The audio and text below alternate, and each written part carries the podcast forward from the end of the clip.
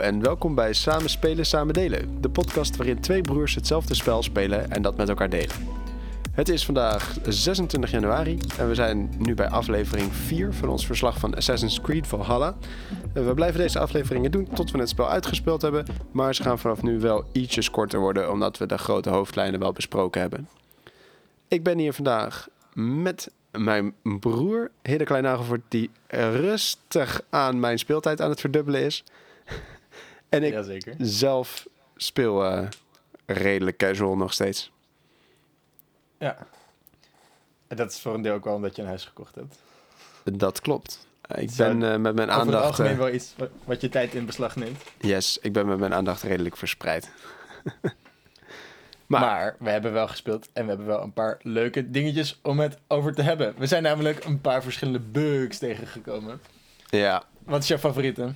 Ja, ik heb je daar tussendoor een eh, screenshot eh, van toegestuurd. We zaten toch eh, met elkaar op Discord toen het gebeurde. Ja, ik was bezig met een quest en ik moest een dorp plat branden. I know, iconisch.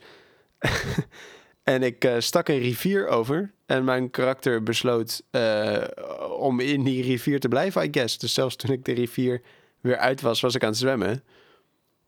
Onder water ook, for some reason. Dus ik was langzaam aan het stikken. Dus ik besloot, nou, ik dacht, nou, geen idee waar dit heen gaat. Dus ik zwom maar omhoog en omhoog en omhoog, totdat ik boven water kwam, I guess. Wat? Oh, je kwam ook echt boven water? Ja, ik kwam ook echt boven water. En dat was dus een moment dat ik daarna ook gewoon in de lucht zweefde. En daar heb ik je toen een, een screenshot van gestuurd. En ik was gewoon in de lucht aan het zwemmen. Wat zal het zijn? Een 100 meter of 100? 2, zoiets. 200. Boven de, boven de grond. Dat was ik aan het zwemmen. Kon ook niet meer duiken of wat dan ook. Ik zat daar gewoon vast.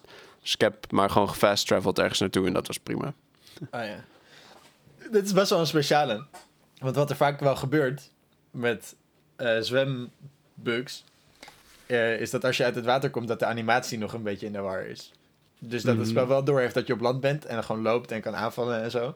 Alleen dat de animatie van je karakter nog soort van horizontaal ligt en met zijn armen en benen zwaait alsof hij aan het zwemmen is. Oh ja. Maar dat het spel echt volledig niet doorheeft waar je bent. En denkt dat je gewoon nog helemaal aan het zwemmen bent. En dat je gewoon omhoog kan en je adem langzaam leegloopt.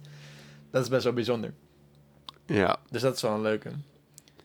Ja, en ik kom ook redelijk vaak vast te zitten. En dat vind ik bijzonder, want ik heb in onze eerste drie afleveringen eigenlijk nooit het probleem gehad. Waar ben je vast komen te zitten? Gewoon fysiek met je karakter Ja, tussen twee ja fysiek met mijn karakter, gewoon tussen objecten of dat ik bij het klimmen ergens viel of zo, of ik stapte ergens tussen waardoor ik door, een, eh, door bijvoorbeeld een muur heen klipte en daar vervolgens in vast zat. Ja. dat was vreemd. Want dat heb ik, dat heb ik echt heel lang niet, niet gehad. Ik heb het spel eh, nou, bijna 30 uur gespeeld zonder dat mee te maken.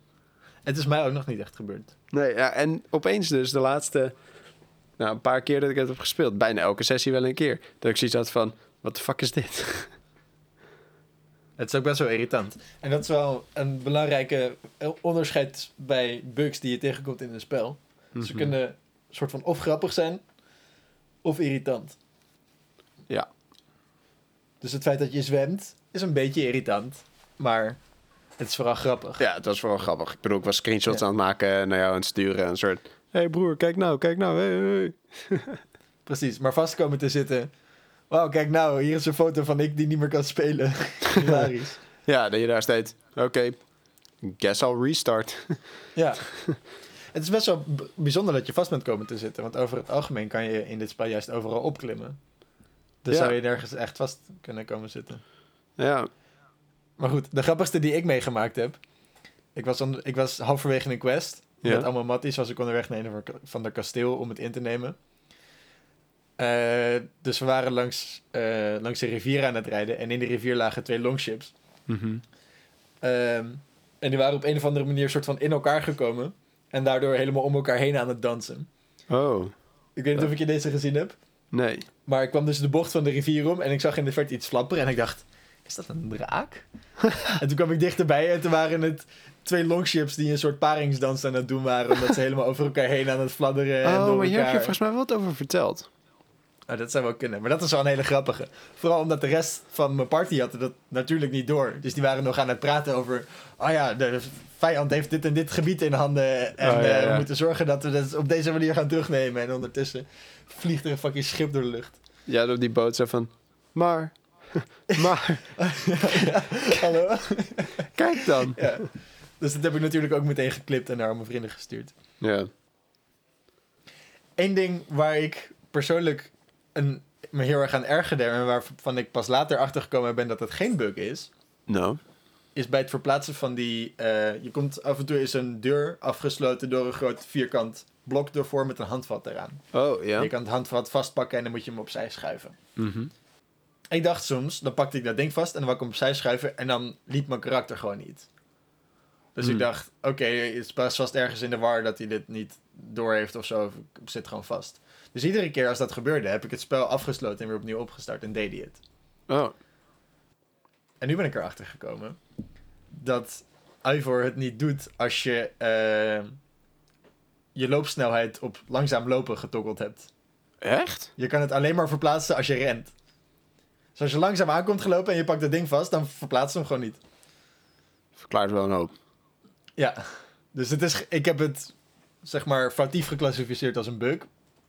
Maar het is nog steeds niet echt heel erg soepeltjes gedesigned. Blijft ook wel dat ik ehm, vind dat ze op sommige punten niet heel helder zijn of zo in hun communicatie over controls en, en interacties. Oké, niet echt een bug, maar vertel. Nou, ik had het al eerder wel bedacht. Je hebt bijvoorbeeld op je G-toets heb je een soort quick action wheel zitten. Ja. Ja, daar ben ik ook redelijk laat achter gekomen. Oh, dit valt onder hetzelfde kopje als dat je niet wist dat je kon vissen. Ja.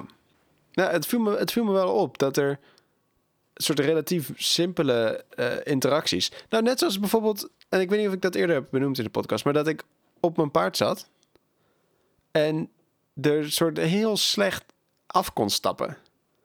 Omdat er nergens, ja, dan staat er C, dismount. En dan drukte ik op C. Je moet C ingedrukt houden. Ja, ja, ja I know. In, inmiddels weet ik het. Inmiddels is je Maar ik heb dus denk ik wel de eerste paar uur van mijn gameplay in Noorwegen... dat ik met dat paard aan het rondrijden was... elke keer als ik ergens af wilde stappen... dat ik eerst op dat paard ging crouchen... om er daarna gewoon met space af te springen. Ja. En ik dacht... Ik zat echt naar te kijken en ik denk... wordt dit mijn leven, dit spel? Is dit echt wat ik moet gaan doen... om elke keer van mijn paard af te stappen? Dit kan toch beter, jongens, dacht ik. Ja, ja. En toen ging ergens, toen ik dus later door ging hebben dat eh, knoppen indrukken andere interacties met zich mee konden brengen. Ja. Toen dacht ik, hmm, wacht even. Wacht eens even. Ja. En of ik heb het niet, of ik heb niet opgelet. Ja, of het is gewoon niet voorbij gekomen in een introductie. Of het is niet, niet. Het is in ieder geval voor mij in mijn situatie niet helder genoeg naar mij gecommuniceerd. Ja. Hoe je precies zo'n interactie hebt. Op een bepaalde manier wil je als ontwikkelaar natuurlijk ook niet elke knop in het hele spel moeten uitleggen. Dan ben je gewoon letterlijk vier uur bezig met alleen maar knoppen uitleggen. En daar wordt niemand blij van. Nee, Dus klopt. wat dat betreft, wat dat betreft snap ik wel dat ze dat niet per se uitleggen. Maar voor de rest is er heel erg veel in het spel wat inderdaad niet, ge- niet geïntroduceerd wordt, waar je maar gewoon achter mag komen. En dit brengt ons wel op een soort eh, interessant grijs gebied. Mhm. Dat het niet, dus het voorbeeld wat ik net gaf en het voorbeeld wat jij net gaf, dat de ervaring van het spelen niet per se door een bug wel vergelijkbaar is met de ervaring die je hebt als je een bug hebt. Ja. Het voelt alsof het spel niet doet wat je wilt. En of dat nou door een fout in de codering is of door een fout in het aanleren van wat je kan doen. Er gaat, er gaat bijna allebei de gevallen iets mis. ja, een beetje hetzelfde als wat jij net zei over dat je als je op lopen staat, dat je niet zo'n zo'n kist of ja, nee, het is niet een kist, maar zo'n soort stelling, een soort stellingkast als het ware, maar dan met, met spul. Ja, ik heb hier geen, ik heb hier geen betere omschrijving voor, maar Een obstakel. ja, zo'n obstakel wat je kan verschuiven. Ja. dat dat niet kan als je loopt. Dat je daar niet een soort melding of een melding van krijgt, of dat je het gewoon wel kan verplaatsen. Ja. Eh, Dat is wel onhandig. Dus vanuit, vanuit het, het zijn van een speler maakt het dan ook weinig meer uit of het een onhandig design ding, Ja, design schema is of dat het een bug is. het voelt gewoon een beetje als een obstakel. Ja. En niet het obstakel wat je wilt overwinnen in het spel, maar een Nee. obstakel wat alleen maar irritant is. Ja. Ja, en datzelfde heb ik ook een klein beetje met ehm, je schip verlaten. Als je bijvoorbeeld aan een raid begint. Dat is heel clunky. En dat vind ik heel jammer. Want ik bedoel, je hebt er toch een soort, soort episch moment. Je komt met je schip vol raiders. Jij blaast op je hoorn. Ja, dankjewel. Dat is hoe het, dat is hoe het klinkt en hoe het voelt. Ja, ja. En dat, dat is super episch. Ik bedoel, je hoort de, de, de mensen op de kust gillen, soldaten orders roepen. En vervolgens ga jij als een beetje een soort kluns over die reling heen en weer rennen. Omdat je niet eerst op dat drakenhoofd wil moeten klimmen om daar naar die boot af te springen. Je wil gewoon zo met je crew mee over die reling springen, het water in en de- naar de kust toe. Dat is wat je wil. Maar dat gebeurt niet. Nee. Je, je- het, is, het voelt heel alsof het je beweging in een soort van windroos in te delen is. Dat je op een, op een gegeven moment een soort threshold over bent van... oké, nu ga ik naar rechts. Of nu ga ik naar voren. Maar dat het niet is dat je... als je dus naar... dat je, dat je niet schuin dat ding af kan springen. Je kan alleen Ja, maar ja, ja. recht. Ja. Alleen of met een hoek van 90 graden eh, van je boot af... of je blijft eeuwig er rechtdoor. Ja, precies. Terwijl je over het algemeen redelijk... heel- Je kan over het algemeen je beweging juist best wel precies besturen. Ja, Maar als je... Ik heb dit vaker gemerkt. Het, het ligt gewoon aan het feit dat Evor op een randje zit. Als ze op een reling zit waar ze zo overheen kan rennen... Mhm. dan wil ze het liefste over die reling rennen. ja. Dus tenzij je echt heel duidelijk precies 90 graden opzij van... ik wil eraf, tegen Evor zegt... dan denkt ze gewoon, ik ga lekker over deze reling rennen. En Ja. dan voelt het inderdaad alsof het spel niet meer luistert naar wat jij te zeggen hebt... en alleen maar zegt, jij gaat nu over de reling rennen. Ja, en dat heeft natuurlijk wel een beetje de keerzijde dat als jij een stealthy probeert te zijn in een of ander kasteel en je loopt door zo'n touw wat boven ergens gespannen is, dan is het Ja, en- heel fijn dat Eivor niet op een gegeven moment doet YOLO! ja! Let's go! En zo van een touw afspringt in een of andere swan dive. Maar er is dus niet ergens iemand geweest die heeft gezegd... hé, hey, laten we dat op het schip uitzetten, zodat je er overheen kan. Precies, ja. En dat maakt dus... Het zijn- het zijn af en toe dat soort kleine interacties... en ook wat jij in de vorige podcast, meen ik, noemde... over dat de timing soms op ehm, dodges of, of parries... ook een soort awkward voelt. Ja. En dat is wel... Oh ja, dat ging toen over die wolf. Daar hadden we het toen over. Ik was heel erg zoutig over de wolf. Ja, en hetzelfde heb ik met een beetje van die pikemen. Die lopen dan met een soort speer... Ja. En die, eh, het duurde even voordat ik door had dat daar twee aanvallen in zitten. Want je krijgt alleen maar zo'n warning ding voor de eerste. Maar er komt Mhm. heel snel daarna nog een aanval. En Ja. ehm, dat heeft ook best wel een tijd geduurd voordat ik dat door had. En dat kan je nog een soort van toeschrijven. Nou ja, je wordt vanzelf beter in combat en dat is ook Mhm. een learning curve. Ja, precies. Maar het voelde wel af en toe frustrerend. Omdat ik dus iets had van, ja, ik dodge toch? of ik parry toch? Of, Ja, maar ja, ja. Ja, misschien niet helemaal fair dat ik die er nu in gooi. Want dat, is, dat, dat vind ik zelf ook nog wat als scharen onder gewoon een combat learning curve. Die je als Ja. speler doormaakt. Ik heb hier een, ik heb hier een, een eh, theorie over. Namelijk het feit dat ze, Mhm. ze hebben ook een stamina bar geïntroduceerd. Als je te veel dodgt, dan eh, moet je na een tijdje eventjes uitpuffen. Ja, En dat is een... eh, een het, het hebben van een stamina bar forceert je in een bepaalde manier van spelen waarbij je meer op moet letten. Waar eerdere Assassin's Creed niet heel erg in geïnteresseerd waren. nee. En ze hebben dat nu toegepast. En eh, het spel waar het er het meest fameus over is, over het feit dat het dat heeft, is Dark Souls. De stamina bar bedoel je dan? Ja. Ja. Dark Souls wordt door heel veel designers als een soort van het toppunt van combat design gezien. Omdat het heel erg involved en nadenkend is. Je moet je, je stamina managen, je moet je afstand tot je enemy managen. En je moet eh, de aanvalspatronen van je vijand leren, zodat je die uit kan buiten. En precies weten wanneer je moet parryen en dodgen en wanneer je aan kan vallen. Ja. Dus het voelt heel erg alsof ze dat erin willen zetten. Dat die ervaring willen, willen liften. Maar die ervaring past niet bij de rest van het spel, die je wil afschilderen als een coole raider zijn. Nou, heb ik die issue niet. En ik denk dat hier onze visies misschien dus al op games weer een beetje aan eh, onze ja, verschillende... Nou, onze visie verschilt hierin, denk ik. Als Ja. in, jij bekijkt het heel erg vanuit een, een design perspectief, hoor ik je vertellen.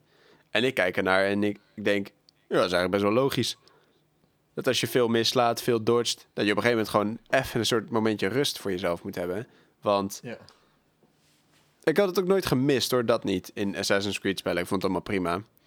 Maar nu had ik wel zoiets van, ja, het is wel een, een onderdeel. Als in, ik ben wel aan het raiden. Ik bedoel, ik, ik moet wel een beetje in de gaten houden dat ik het verantwoord doe. ja, precies. Ja, Wel veilig doen. ja en het is ook wel... Ik bedoel, als ik denk aan Dark Souls... en ik zal hierbij vertellen dat ik het, het nooit gespeeld heb... is wel dat ik... Als ik daaraan denk, dan denk ik aan... Zolang je rolt, pak je nul damage. dat is... Ja. Dat is, dat is wat de vibe die ik daarvan had. Dus ik had ook... En dat is met een beetje dodgen. Het is in Assassin's Creed ook zo. Press Alt, take no damage. Dat is, Ja. dat is op zich de mechanic. En in wezen vind ik dat wel overpowered. Dus ik vind dan zo'n stamina bar wel gewoon een goede limiter Ja. daaraan. Al is het maar om het te balancen. Nog los van een soort realism of zo. Dat klopt. Eh, maar de, re- de reden waarom ik het nu ook specifiek in deze, ehm, deze discussie opbreng, is we hebben het nu over de, de verschillende dingen die we tegenkomen, die ergens wel handig zijn, maar die dan net een beetje de afwerking missen om het echt chill te maken. Ja, Dus het feit dat je aan een reling plakt als je er overheen loopt, is over het algemeen prettig. Maar ze het net iets beter imp- moeten implementeren op een paar dingen om het beter te maken. ja. Dus het feit dat ze een meer involved combat systeem willen maken, is een, op zich wel een goed idee. Maar de net niet helemaal ge- gepolijst genoeg manier waarop ze de stamina bar en de enemy timings geïmplementeerd hebben, maakt dat het in sommige punten juist alleen maar extra tegenwerkt. Ja, daar heb je op zich wel een punt. Als in, eh, ik zou het denk ik leuker vinden om meer bezig te zijn met wat voor wapens gebruik ik.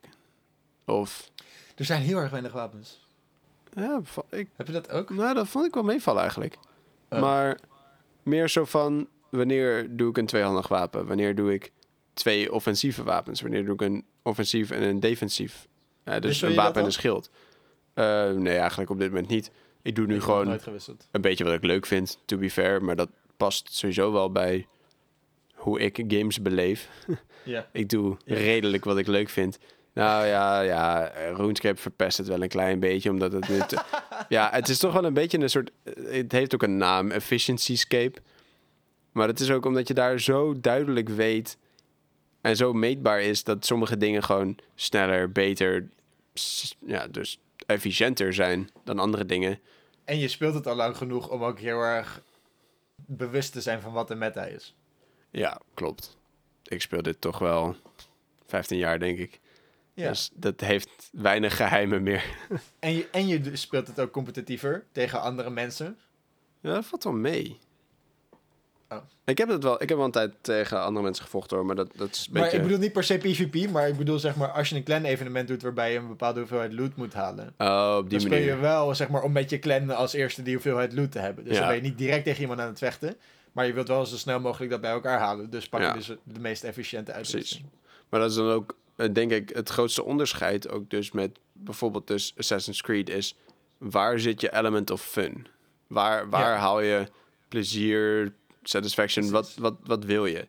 Dus in Assassin's Creed zou de beste beeld kunnen zijn dat je een schild en een, en een bijl hebt. Maar Ja. het is veel grappiger om twee bijlen te hebben, omdat je dan hak, hak, hak, hak, hak kan doen. Precies, precies. En dat is natuurlijk dan het grote verschil voor mij, in ieder geval heel erg met, met RuneScape, is daar ben je dan, inderdaad, daar ben ik ook veel meer efficiency-scape aan het spelen. En Ja. there's literally no point voor mij om iets anders te doen dan wat mij het- beste resultaat oplevert. Ja. En in Assassin's Creed heb ik daar een hele andere mindset in. En er loop ik nu rond met een of andere kite shield en een eh, blacksmith hammer of zo. Ik weet niet precies hoe die heet. Maar gewoon Ja. zo'n hamer. Ik vind het gewoon super satisfying. De, de stun attacks die je daarmee kan doen. Eh, überhaupt een heavy attack. Ja, je zwaait gewoon zeg maar die bel. Gewoon van, of die hamer bedoel ik. Gewoon van achter je. Gewoon in één grote halve cirkel gewoon naar voren. Als Ja. je een heavy attack doet. Ja, vind Ja, ik heerlijk. er vet. Kijk. Dan komt er zo'n dude aanlopen. Die komt daar zo met zijn zwaard in de lucht, eh, een soort eh, ja, op je afgerend. Mhm. jij, jij staat daar je, je, als je het een beetje oké timet, dan map je hem basically gewoon vlak op de grond. Ja, dat voelt heel goed. Als je de timing precies goed hebt, dat iemand naar je toe komt en dat je hem gewoon helemaal de hersens inramt. Ja, eh, het is nog mooier als ze dan ook nog de voice line gebruiken. We have the upper hand. En dan zit ik daar al, no you don't. Ja, dat voelt heel goed. Oh, Dus wat dat betreft, die ervaring kan je wel alleen maar hebben als je een, eh, een beetje een involved combat systeem hebt. Zeker bij de Ja. oudere Assassin's Creeds. In Brotherhood, je, hebt het, je zei net over press alt, take no damage. ja, ja. In Brotherhood hoefde je zelf je, zelfs je timing niet, eh, zelfs je dodge hoefde je niet te timen. Oh, Je hield één knop ingedrukt en dan pareerde je karakter automatisch letterlijk alles. ja. Je Nou, je, letterlijk niet eens op te letten of te timen. Je, je hield één knop ingedrukt en je was invincible. ja, dat dus- is wel een beetje god mode. Ja, maar in, in Brotherhood was je ook letterlijk een god. Je, je slacht hele, hele legers af. Ja. Hier maak je natuurlijk ook wel een heel veel- een heleboel mensen dood. Maar het feit dat je alsnog zelf die aanval moet timen, of die dodge moet timen, zorgt inderdaad wel voor dat je... Het voelt alsof jij aan het vechten bent en jij de timing weet en jij de enemy aan het verslaan bent. ja. Dus wat Ja. dat betreft ben ik het er wel mee eens dat ze het toegevoegd hebben. En het is interessant dat je het nu hebt over efficiency tegenover fun. Nou, het is niet per se, daar wil ik een kanttekening in maken, want het is niet per se Want efficiency efficiency kan ook fun zijn. tegenover fun. Maar ik speel efficiency om op een andere soort payoff te komen. Maar heel vaak, wat je hier dus wel doet, is dat je efficiency expres overboord zet, omdat je iets anders leuker vindt. Ja, nou, het is, het is niet eens een afweging. Ik heb al, ehm, toen we het hadden over dat we soms een YouTube-oplossing ergens voor zochten, eh, Ja. zag ik ook een soort onvermijdelijk wel een paar dingen van best gear setup of zo, of highest DPS of zo in. Ja, ja. En het is van, ja, interesseert me toch niet.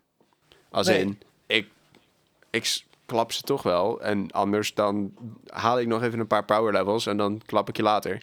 Weet je? Dat is- Ja. dat is al fijn. Ja, ik bedoel, als er bij een raid iemand achter... Als ik bij een raid erachter kom dat er een dude is die te sterk voor me is... dan denk ik, oké, sayonara, baby. ja. Klap je later, maat. ja, ja, dat is dan een beetje het ding. En dan ga ik gewoon Ja. andere shit doen. Eh, ja, Ja. Nou ja, maar er zit dus... Het is- ik ben het met je eens dat het niet per se tegenover elkaar hoeft te staan. Ehm, maar vaak moet je wel een soort van voor het een of het ander kiezen. Tenminste, dit, dit heb ik meestal. Dat je... Ja, Ik denk dat een het een soort onderwerp. natuurlijk verloop is. Kijk, ik haal er nu plezier uit om één, ja, gewoon zo'n minion haast, gewoon vlak op de grond te mappen. Daar haal ik plezier uit. Vind ik leuk, vind ik satisfying. Doe ik, doe ik graag. En dan boeit het me niet. Maar als ik eh, probeer bijvoorbeeld het spel sneller uit te spelen dan jij, kijk, dan ga ik mijn, dan is mijn doel iets anders. Dan ben ik niet gewoon een soort van aan het rondkloten. Even eh, plat gezegd. Maar dan heb ik een heel ander doel. Nu is het gewoon, ik wil die raid complete en het interesseert me eigenlijk vrij weinig hoe lang ik over doe. Ik denk dat we dit onder kunnen delen in een. ehm, dus inderdaad, het is heel, ik denk dat het heel erg de, eh, nuttig is wat je zegt over wat je doel is. En ik denk dat er. Er zijn een heleboel verschillende doelen die je binnen een spel kan zetten. Maar je kan zeg maar een object-oriented doel of een ervaring-oriented Ja, doel. ik denk dat je daar wel iets... eh, ja, Dus als je het object-orient, dan wil je zo, zo efficiënt mogelijk om dat object te halen. En het andere, als je een ervaring wilt, dan maakt het niet uit hoe snel je zeg maar, het uitspeelt. Maar dan gaat het er alleen om hoe snel je de ervaring krijgt van een gastenhersens over de vloer heen laten spuiten. klopt. Nou ja, dat, die haal je geregeld. Ja. Ja, maar de, deze, deze, deze verschillende doelen spelen mij dus... eh, ik denk dat dat een manier is om te verwoorden waar ik dus eerder ook al over heb eh, lopen huilen. Namelijk dat de, die sidequests die over de hele map heen liggen... Ja, eh, daar zit een, een, een object doel bij zorgen dat je, dat je alle sidequests gedaan hebt. Maar in dat geval staat het wel tegenover het doel, het ervaringsdoel van ik wil een avontuurlijke ervaring hebben. Want als ik ga proberen alle sidequests Mhm. zo efficiënt mogelijk uit te spelen, dan heb ik niet meer het gevoel alsof ik op avontuur ben. En als ik denk ik ga op avontuur, dan laat ik een heleboel sidequests liggen. Ja, en, dat- maar dat is, nou ja, dat is, wel- ik, ik denk dat daar ook gewoon een groot stuk eigen invulling in zit. Want Ja. ik speel voornamelijk eh, dus gewoon die main storylines, gewoon, gewoon Mhm. quests. En nou maak ik dus wel een soort uitzonderingen voor als ik toch ergens in de buurt ben, dan wil ik best even een, een, een loopje maken om langs een mystery of een artefact of iets dergelijks te gaan. Het is, eh, je maakt er best wel een eigen keuze in eigenlijk, denk ik. Wil je dit gewoon aftikken? Of wil je zo'n soort bijkomstigheden hebben? Maar ik, over het algemeen ben ik dus een fan van, eh, van een, een, een, een vooral ervaringsgedreven spelervaring. Daar ben ik over het algemeen fan van. Dat uitzicht dus ook in het feit dat ik vaak rondloop. Dat ik niet per se naar mijn quest objective toe sprint om zo snel mogelijk het volgende stukje te halen. Maar langzaam loop en dan om me heen kijk. En eh, een beetje luister naar de mensen die in de stad of de omgeving aan het chillen zijn. Mhm. Maar op een of andere manier brengt dit spel wel een soort van... Trekt een beetje die andere gamer in mij omhoog als ik dan al die icoontjes zie. Je hebt dan gewoon de behoefte om die map eh, schoon te vegen, die kaart. Ja, en ik weet dat ik het niet per se leuk ga vinden. Maar dan heb ik net een quest gedaan. En dan ben ik een half uur later denk ik... Oh shit, ik heb nu toch weer drie sidequests gedaan. Ik, la, ik la, dus speel dat echt heel erg op onderbuik. Als ik... Ik heb soms ook gewoon letterlijk dat ik naast een gebouw sta. Dat ik op de kaart kijk of iets. Of, of ik vlieg met die raaf om even te kijken. Eh, je moet dan soms zo'n, in zo'n gebied vliegen. Dat de questmarker je niet precies vertelt waar je moet zijn. Maar dan moet je in een cirkel als het nog een beetje zelf zoeken. Ja. Dan zie ik op die raaf dat ik echt naast een kistje sta. Ah, ja, dan Niet- pak je hem even. Nou ja, of soms dus ook gewoon niet. Als Ah, ik dan ja, denk, Ik kan, ik kan dat dus Ja. niet laten. als ik dan denk, als ik dat zie en ik denk, ja, I can't be asked right now, weet je wel, dan ga ik het gewoon niet doen. Ik, ja, fuck het, geen zin in. Zal me aan mijn reet roesten of ik dat ding pak of niet. Denk je dat het te maken heeft met de manier waarop mensen zich focussen? Zeg maar, mensen met, A- bijvoorbeeld mensen met ADD. Ik heb volgens mij zelf geen ADD, maar die dat zouden hebben, die dan sneller denken: oh, ik ga even dat kistje pakken. En dan ligt er daarna achter nog een kistje. En dan, Oh. Oeh, een penny, oeh, een penny. Ja, ik, moet, ik, penny. ik, ik moet nu denken aan dat filmpje van iemand die zijn dochter vangt in zo'n eh, wasmand. Die zo'n spoor van snoepjes heeft gelegd. En die dat filmt en dan krijg je die, oeh, piece of candy. Oeh, piece of candy. piece of candy. Maar dat, dat is oprecht hoe ik soms dit spel speel. Dan denk ik er niet over na. En dan zie ik gewoon weer kistjes. En dan denk ik, oh je kut, ik ging de main quest doen. En dan ben ik ondertussen aan de andere kant van de map. Ja, ik ben daar. Ik vind het grappig dat je dat zegt. Want ik ben over het algemeen, zeg maar buiten games, ben ik daar best goed in. Als in, ik ben best Afgeleid goed. raken. Ja, afgeleid raken of te denken. Oh, maar dan kan dit. Oh. En dan kom ik daar, dan ga ik dat spoor bewandelen. En dan kom ik daar weer iets tegen. En dan neem ik daar weer een zijspoor. En weer een zijspoor. En nog eentje. En hier heb ik redelijk gewoon zoiets van. Ja, ik heb het niet nodig. Ik wil die quest doen.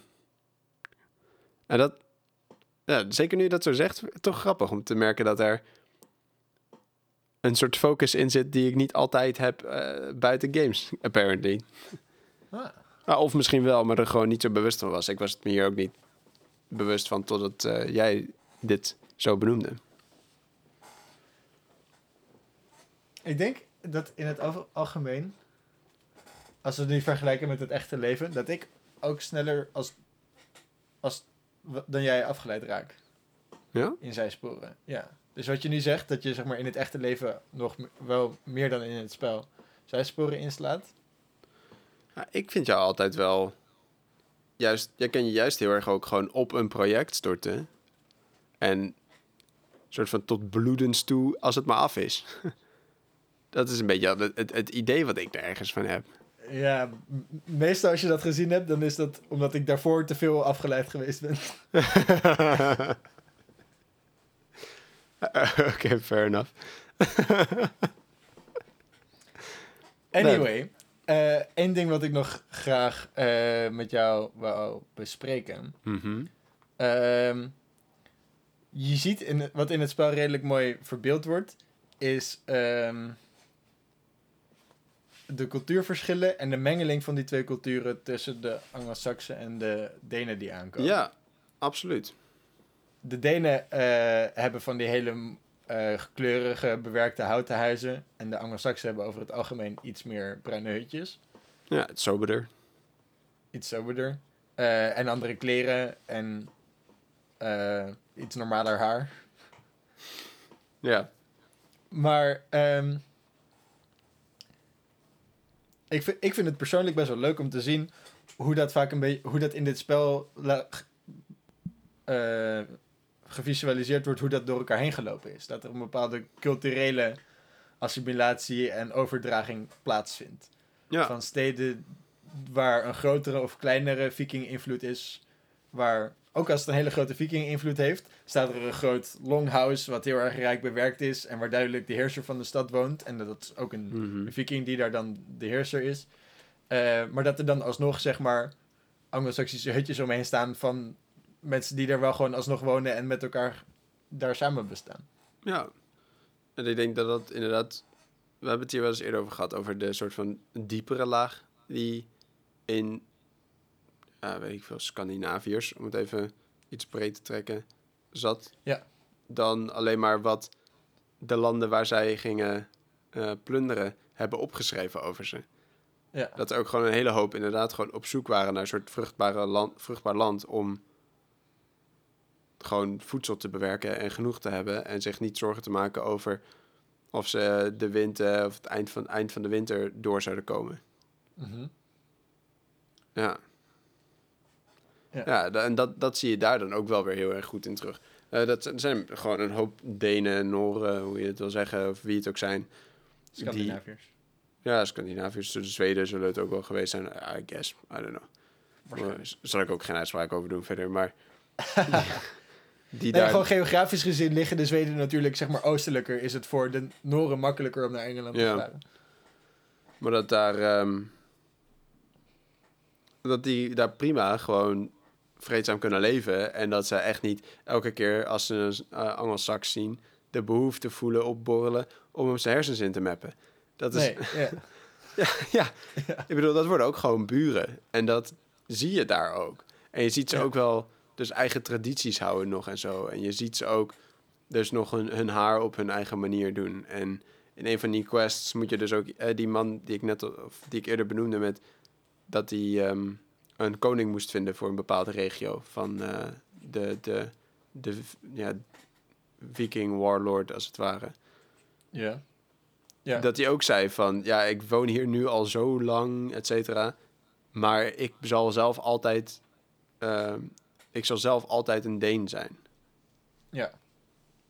Ja, dat, En je komt, op een, je komt hier natuurlijk helemaal in een grijs gebied. De situatie waar wij nu in zijn, is dat de meeste hoofdkarakters eh Scandinaviërs zijn die naar Engeland gekomen zijn. ja, De Ragnarssons en zo, die, die het aan het overnemen zijn. Maar zodra die daar kinderen krijgen, die daar opgroeien, dan krijg je dus zeg maar de, de eerste generatie migranten. De tweede generatie zitten dan ondertussen, ik weet niet precies hoe die naam nee, dan ben je, dan ben je volgens mij eerst in eerste generatie migrant tegen. Ja, shit, I don't know. Maar goed, in ieder geval krijg je dus een situatie die, zeg maar, heden ten dagen dus ook veel aan bod is van mensen die dus officieel geclassificeerd worden als eh allochtoon. Maar wel in het land, in één land op, geboren en opgegroeid zijn. Dus dat gebeurt daar dan daar natuurlijk ook. Er komt dan een nog grotere mengeling van die culturen vindt plaats als daar kinderen opgroeien. Die dan technisch gezien Scandinavisch zijn, omdat ze twee Scandinavische ouders hebben, maar alleen maar in Engeland zijn opgegroeid. Ik eh, denk niet dat Eivor kinderen gaat krijgen. Nee. Dat denk ik ook niet. Ehm, Misschien, wacht, Dus- jij speelt mannelijke Evert, toch? Ik ben geswitcht. Echt waar? Oké, wat leuk. Ja, ik had zoiets van... eh, ik, nou, ik zag Reka spelen en ik dacht... Oh ja, dat is ook nog een optie. Dus dacht ik, eh, fuck it. Wissel gewoon. Oké. Ik denk dat het voor dit... ehm, we, we, we roepen hier natuurlijk een heleboel van, eigen, onze, van onze eigen verbeelding op. Ehm, maar ehm, bij het klassieke beeld van eh, een dorpje binnenvallen en plunderen... wordt vaak ook verkrachting. En dat is natuurlijk waarom er erg veel DNA in dat gebied zit. Niet alleen maar vanwege assimilatie, maar vanwege het verkrachten Ja, ja, wat zeg maar, hoort bij het plunderen. Ja. Maar als, als man is het een stuk makkelijker om iemand te verkrachten dan als vrouw. Als je als vrouw iemand verkracht, dan moet jij daarna negen maanden dat kind dragen. Klopt. Dus als vrouwelijke Eivor zie ik inderdaad niet voor me dat die kinderen gaat krijgen daar. Maar ik kan ook een een- partner vinden. Ik bedoel, je bent als Evert toch daar een hele enorme settlement aan het bouwen. eh, met allemaal invloeden van buitenaf. En, Maar, maar, Eivor, maar Eivor runt die settlement niet. Eivor gaat ergens anders heen en slacht mensen af om supplies voor die settlement te krijgen. Maar is niet degene die daar in een kamer eh, echt de administratie gaat zitten doen. Hmm, nee, klopt. Ik denk dat Eivor zeg maar persoonlijk als doel heeft om strijdend ten onder te gaan en naar Valhalla te gaan. Ja, en met, zo, met ook wel de maximum aan glorie eh, Precies. erbij. De- ik nou, denk maar niet dat denk zij ik als niet doel heeft helemaal. dat ze gaat- Dat denk ik niet ik denk helemaal. niet dat zij oud wil worden met een partner en, en, en een huisje, boompje, beestje wil. Nou, misschien niet per se oud worden, maar tot op zekere hoogte denk ik dat eh, toch een soort, een, een, een soort van partner vinden niet meer dan natuurlijk is. Nee, maar zeg maar gewoon, gewoon haar vechtende levensstijl faciliteert niet echt het hebben van een baby. Nee, maar ik zou ook niet vinden van een baby, of het krijgen van een baby, maar wel het soort vinden Ja, van... nee, maar daar, be- daar begon de discussie wel over. Over het Ja. krijgen van kinderen en de manier waarop Ja, dat, impact heeft op de culturele assimilatie. Dus ik denk niet dat vrouwelijke Eivor, zeg maar, wat dat betreft veel invloed daarop gaat hebben. Hmm. Ja, nou, en, toch, en toch denk ik dat er, oog, dat er oog is in dat karakter voor, voor dus een soort een breder plaatje. Want anders dan was die hele verhaallijn van The Order of the Ancients, die was anders een beetje absoluut. Als Evers iets had van stik in je big picture, ik wil gewoon reden, vechten, glorie en ten onder, Ja. dan had hij echt tegen die Hytham gezegd, ja leuk allemaal dit hoor, doe vooral je ding, maar van mij is het niet meer lastig. Nou ja, ik vind het dus persoonlijk ook wel een beetje gek dat Eivor besloten heeft om die uit hem te helpen. Nou ja, ja, ik... de- dat is voor mij ook de- oprecht een, een minpunt aan het narratief. Nou, mijn, mijn brug die ik daartussen heb geslagen is dat Eivor er dus achter kwam dat die Kjotve bij eh, die order hoorde.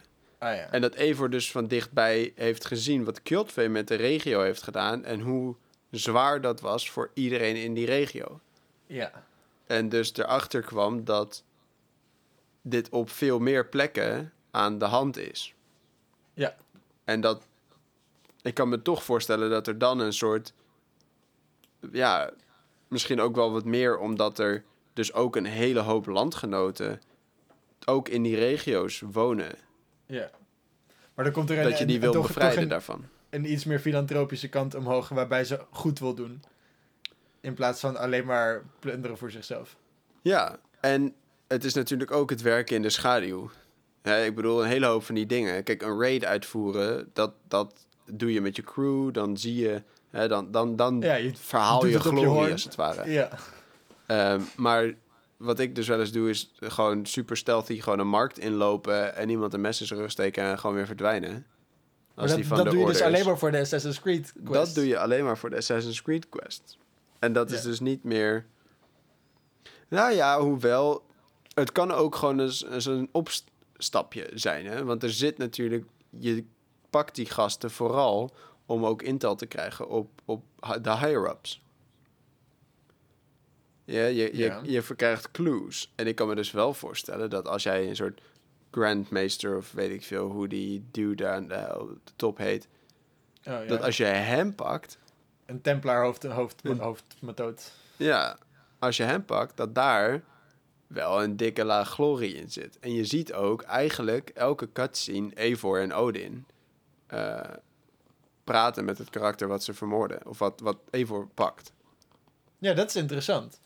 Dus er zit de- wel... Als ze, als ze, als ze dorpen platbrandt, dan komt Odin niet langs om haar te feliciteren. Maar als ze een Templar neersteekt, dan komt Odin langs om haar wijsheid te geven. Ja. Ja. Nou ja, we kunnen, ook, we kunnen het er ook op laten dat wij niet kunnen doorgronden waarom Odin doet wat Odin doet, want goden. Ik bedoel, dat, ja, ja, toch, ik bedoel, dat lijkt me niet een hele grote sprong. Ik bedoel, als we toch al zien dat Odin zich ermee bemoeit, ja, moeten we dan nog de motieven van de goden doorgronden? Sure, I guess. En ik denk dat het dan voor een karakter als Eivor genoeg is eh, om kennelijk te merken dat Odin betrokken is bij wat hij zei aan het doen is eh, in dit eh, vermoorden van die Ja. members van de order. Om, Ik heb meer het idee alsof Odin zich vooral met Eivor betrekt en niet zozeer met de Templars. Ja, maar, nee, nee, nee, dat, Ja. maar dat als zij dus die questline volgt, of, of, of nou, wij noemen het dan questline, maar als zij zeg maar, met dat onderwerp bezig is, dan Ja. is Odin er. Dat is toch wel een soort positieve stimulatie. I guess. Bedoel, wie wil, wie wil er niet bezocht worden door, de, door, je, door je oppergod? De, Nou, de het lijkt me niet heel erg chill. Ik heb, dus altijd, ik heb dus genoeg saga's gehoord om te weten dat over het algemeen de mensen die bezocht worden door Odin niet echt een gelukkig leven hebben verder. Nee, ja, sure. Sure. Odin mag dan wel de oppergod zijn, maar hij is ook wel gewoon een beetje de aanjager van een heleboel eh, bloedvetes en eh, agressiviteit en te- teleurgang. Sure, ja, daar, daar thrift hij ook wel op, ja. Ik heb daarnaast, ik heb ook best wel veel zitten lezen over eh, Loki en Odin. Mhm. Ook geïnspireerd door de Asgard verhaallijn van dit spel. Want Oh, ja. in eerste op, het zijn dus bloedbroeders. ja. En in eerste instantie voelt dat heel erg tegenovergesteld. Odin is de oppergod en Loki is degene die iedereen verraadt. Mhm. Dus waarom zijn zij twee eigenlijk dan? Waarom zijn ze bij elkaar? Het voelt als de een is zeg maar de machtige leider die het, het beste wil voor, voor zijn mensen. En de andere is degene die altijd aan het ondermijnen is. Dus waarom zijn zij twee dan? Yin en yang, I guess. Ik bedoel, het, ook de eeuwige, elke reactie heeft een, eh, hoe, hoe gaat die ook weer? Elke actie heeft een net zo intense of net zo heftige reactie. Ja, En Dus ik kan me heel goed voorstellen dat dat hier ook eh, aan het werk is, als het ware. Dat het hierdoor wel belichaamd wordt. sinds ik er dus wat meer over ben gaan lezen, ehm, blijkt dus dat ze eigenlijk minder tegenovergesteld zijn dan in eerste instantie lijkt. Hmm. Ehm, dus het eerste waar je een beetje uitkomt, wat je, wat je tegenkomt, is het feit dat Odin minder goed is dan je zou denken. Mhm. En Loki wat beter is dan je zou denken. Ja, Dus daar gaan ze al wat meer naar elkaar toe. ze worden basically En- wat meer menselijk. Ja, ze, ze worden wat gelaagder. En die gelaagdheid is ook wat ze eh, bij elkaar laat passen. Want binnen het hele, alle saga's en het hele pantheon van de Noorse goden... ehm, zijn bijna alle goden, zijn zoals we erg veel goden kennen, gewoon representatief van iets. Ja, Thor is eh, dondergod en eh ehm reuzenslachter. Mhm. En dat is hij en dat doet hij en dat Punt. doet hij voor altijd. ja. en dat doet hij voor altijd en hij leeft er nog lang en gelukkig. ja, het verhaal van Thor. Reus Ja. dood. Eind. Tyr. Zwaaihamer. Ja. Haha, Odin go brrr. Ja, ja, ja. Ehm, Tyr is de god van, van, van de regels en de gerechtigheid en het uitvoeren van de wet. En dat is hij Mhm. verder ook altijd. En Loki en Odin zijn de enigen die eh, groeien. Die leren van hun ervaringen die ze mee hebben en andere meningen krijgen en een andere Ja, visie op de wereld krijgen na, na de dingen die ze meegemaakt hebben. ja, wat ze dus in mijn ogen of juist meer of juist minder God maakt. Ja, wat dat betreft worden ze menselijker inderdaad, omdat ze Ja. minder absoluut zijn. Precies, het is meer om te bekritiseren als het ware. Als je een soort van, net, eh, net zoals Thor, dit is mijn stick. Eh, Ja. This is who I am, and this is what I do. Eh? And if you don't agree, here's the hammer. Bonk.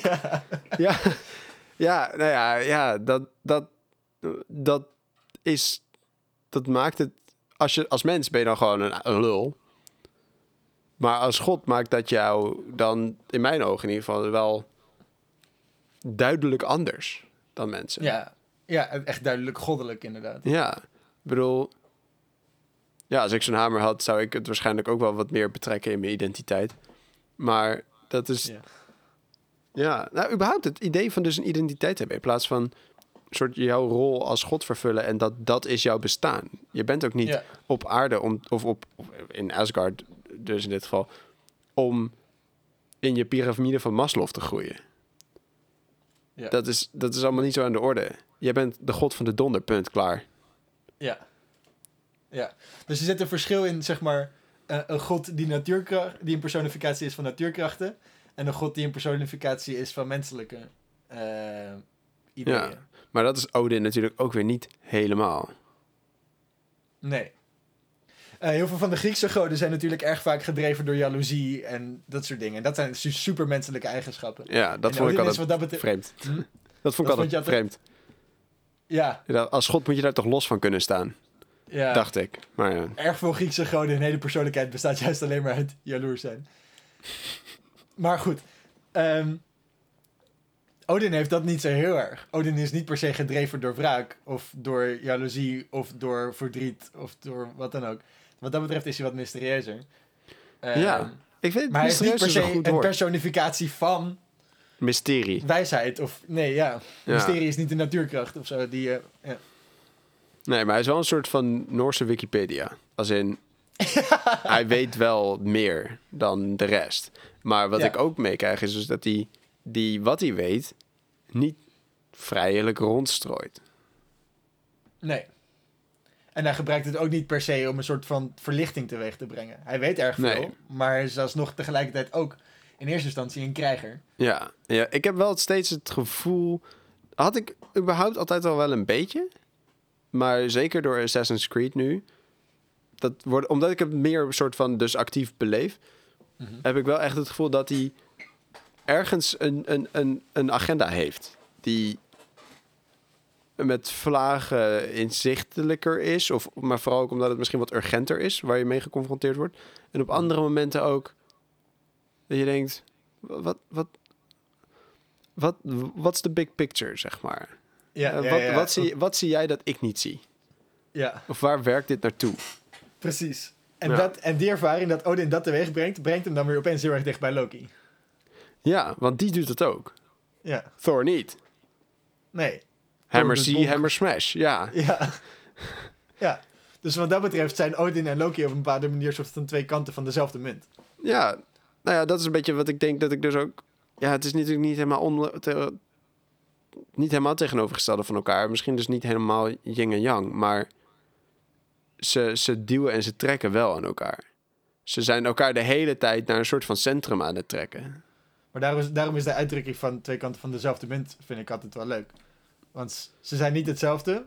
Ja, het, het, impliceert, het impliceert wel dat ze tegenover elkaar staan en Mhm. elkaar tegenovergestelde zijn. Maar het impliceert tegelijkertijd ook dat ze van hetzelfde materiaal gehouden zijn. En eigenlijk niet zonder elkaar Sure. kunnen. En het, ja, oké. Ja, Ehm, dus ik ben benieuwd waar dat, die verhaallijn nog verder heen gaat. Ik denk dat we daar de volgende podcast nog wel meer over kunnen ik ook. hebben. Heb je, heb je hem af? Even als laatste vraag. Heb je de Asgard eh, verhaallijn af? Ehm, weet niet of die ooit af is, maar... er, er, er is een tweede deel. Ah, Je hebt oké. dat eerste visioen met dat hele bouwerverhaal. Ja, en dat je die felines En voetbal eindigt en, en, zo... dan gaat... Ja, dat eindigt Ja. en dan zegt Odin, oh, nu ga ik daarheen. En dan ga je uit je trance en dan moet je nieuwe kruiden gaan halen om dat verhaal mee te krijgen. Ah, en die heb je nog niet af, begrijp ik je? Nee. Alright, maar die eerste wel. Ja. Alright, nou, ik ben, eh, ik ben benieuwd. Ik ben nog eh, in Asgard, maar ik heb het ook eh, een klein beetje links laten liggen. Oké. Goed. Nou dan, eh, dan was dit zover het delen van deze week. Wij gaan weer verder met spelen, zoals we net besproken hebben. Mocht je nou ook willen delen, dan kan je vragen en opmerkingen sturen naar spelendelen.gmail.com. Eh, de muziek die je hoort aan het begin en eind van deze afleveringen zijn gemaakt door ForSure. Als je geïnteresseerd bent, zijn zijn tracks te vinden op soundcloud.com slash iamforsure. En tot volgende week. Tot volgende week.